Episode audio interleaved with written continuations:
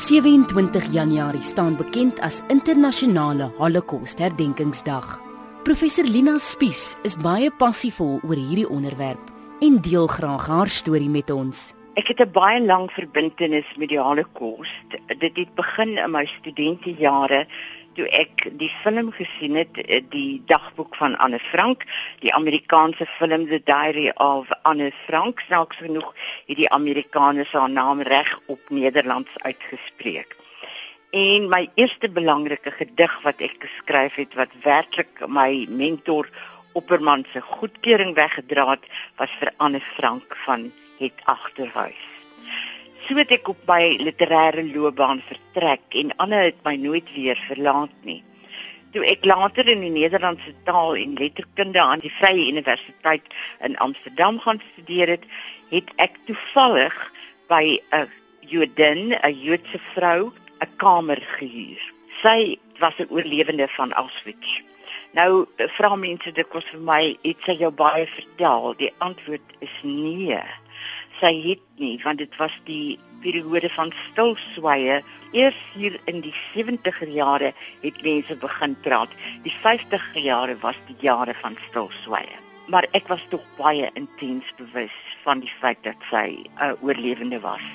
Die nommer op haar arm en allerlei persoonlike herinneringe waarop ek nie nou ingaan nie. Ek het 'n leeftyd lank met die Holocaust saamgekom totdat ek na my uittrede as professor aan die Universiteit van Stellenbosch tyd gehad het om 'n Frankse dagboek vanuit die oorspronklike Nederlands en Afrikaans te vertaal.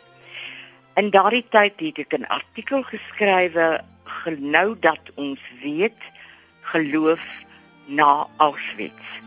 En toe het meneer Richard Friedman van die Holocaust Sentrum in Kaapstad my gebel om my geluk te wens met die artikel en sy dank daarvoor uit te spreek. En toe sê ek spontaan, weet u waarmee ek besig is meneer Friedman? ek is besig met die vertaling van die dagboek van Anne Frank en hy het onmiddellik gesê dat hy dit wil bekendstel. Dit was die begin van 'n nuwe vriendskap in my lewe met meneer Friedman en 'n blywende betrokkenheid eh, by die Holocaust. Die Holocaust was in sy wese rassisties. Dit het die denke van die hele wêreld beïnvloed die teologie na Auschwitz van die kerk in Duitsland en in Europa moes tot 'n besinning kom oor hoe so 'n verskriklike daad kon gebeur het te midde van Christelike mense. En dit is nog steeds nie 'n saak wat uitgepraat is nie. Dit speel nog altyd 'n rol. En ek dink dat dit jammer is dat in Suid-Afrika op 'n oppervlakkige manier daarvan kennis geneem word en dat mense hulle nie meer verdiep in die aard van die Holocaust en wat die Holocaust veroorsaak het nie en hoe dit kon gebeur het in een van die mees kultureel ontwikkelde lande van die wêreld naamlik Duitsland. Duitsland het nooit opgehou om sy skuld te bely nie. En dit moet ons die Duitsers dan ter ere nagee. En ek dink daar is baie van ons wat ook nog moet erken dat apartheid verkeerd was, dat dit wesentlik rassistiese beleid was. Anne Frank, 'n Duitsgebore Joodse meisie, het na haar dood vanweë haar gepubliseerde dagboek oor haar ervarings in afsondering wêreldberoemd geword. Professor Lina Spies het ook die geleentheid gehad om hierdie dagboek te vertaal. Dit is miskien 'n vreemde ding om te sê, maar ek dink so dikwels aan Anne Frank dat ek een keer toe iemand vir my gevra het, "Wat is Anne Frank vir jou?" My antwoord was, "Sy is my metgesel deur die lewe."